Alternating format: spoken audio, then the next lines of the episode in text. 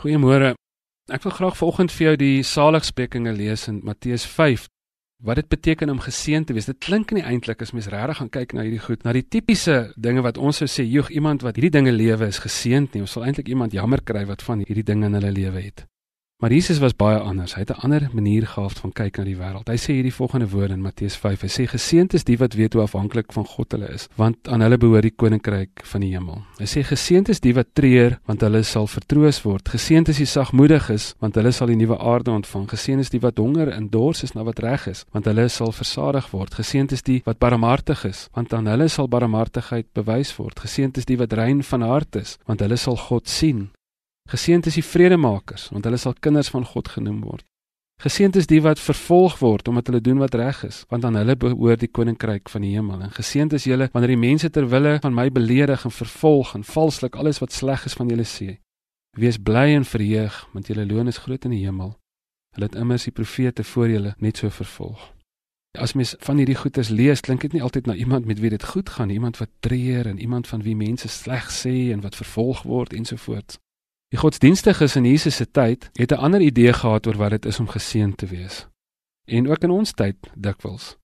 Hulle het gesê om geseën te wees gaan daaroor dat dit finansiëel met jou goed gaan, dat jy gesond word of dat jy net eenvoudig gesond is, dat daar mooi weer is, dat daar genoeg reën is dat goeie goed met jou gebeur. Maar volgens Jesus moet seën anders verstaan word. Volgens Jesus gaan om geseën te wees nie in die eerste plek oor wat om ons gebeur of wat met ons gebeur nie, maar dit gaan eerder oor wat deur ons gebeur en wat in ons gebeur.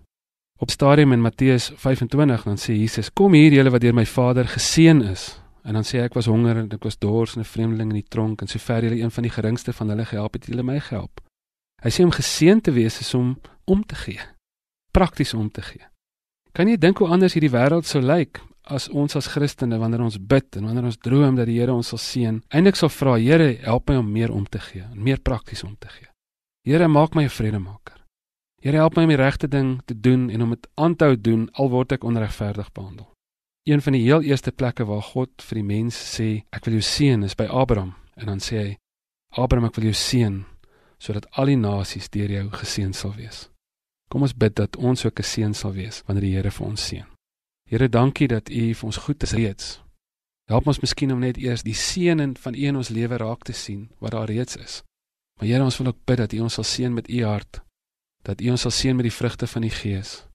Dat U ons sal seën met selfopoffering, met liefde, selfs al is ons omstandighede donker en selfs al gaan dit nie maklik nie, dat ons die verskil sal wees in Jesus Christus se naam. Amen.